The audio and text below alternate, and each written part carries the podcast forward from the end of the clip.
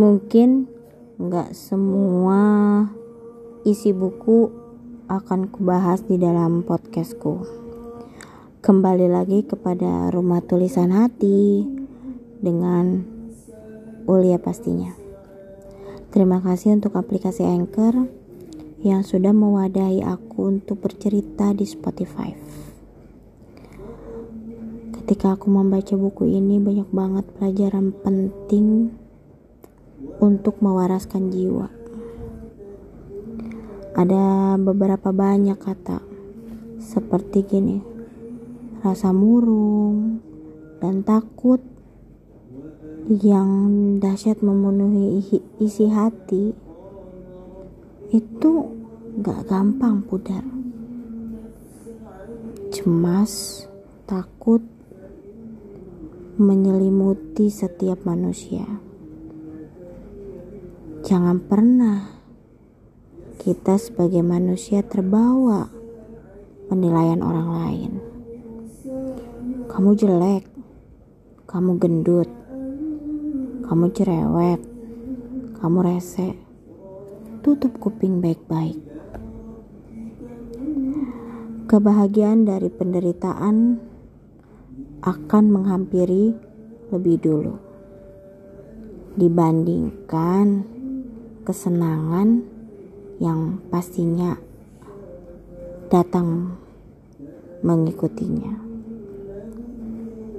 Tapi semua manusia itu normal kok, wajar kok kalau memiliki rasa cemas dan suka murung.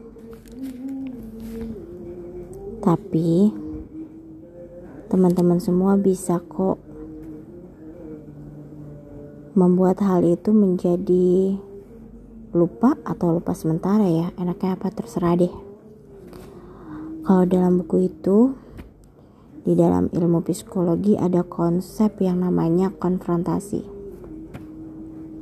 Jadi sebagai manusia kita jangan kabur bila ada sesuatu. Hadapi langsung kecemasanmu, ketakutan, kesedihan, dan kemuramanmu. Konsep konfrontasi adalah untuk memahami hati jiwa kita. Konsep ini sebenarnya sih sangat menyakitkan karena kita harus bertemu langsung atau menghadapi langsung kecemasan yang ada di dalam diri kita. Tapi ingat, kegigihan untuk mempertahankan itu juga bisa menyakitkan. Karena banyak nih ya orang-orang di kanan kiri kita di dalam rumah. Itu yang doyannya ngeritik pedes kadang.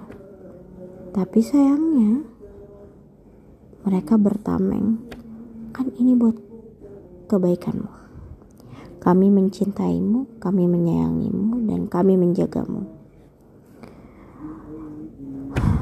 Manusia itu tumbuh, hidup, dan berkembang itu selalu melalui ada kritiknya, penilaian orang, tatapan antagonis orang lain.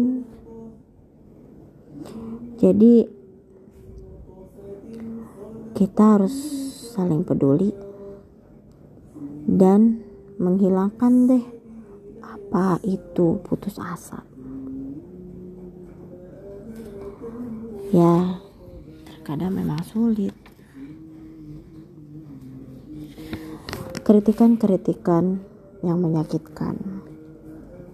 Terkadang orang yang mengkritik juga tidak sadar.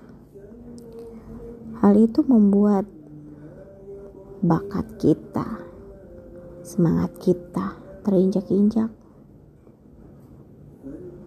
Untuk membela diri pun pasti sulit. Makanya kita harus bertahan dan kita harus menguatkan diri kita. Terima kasih. Selamat malam.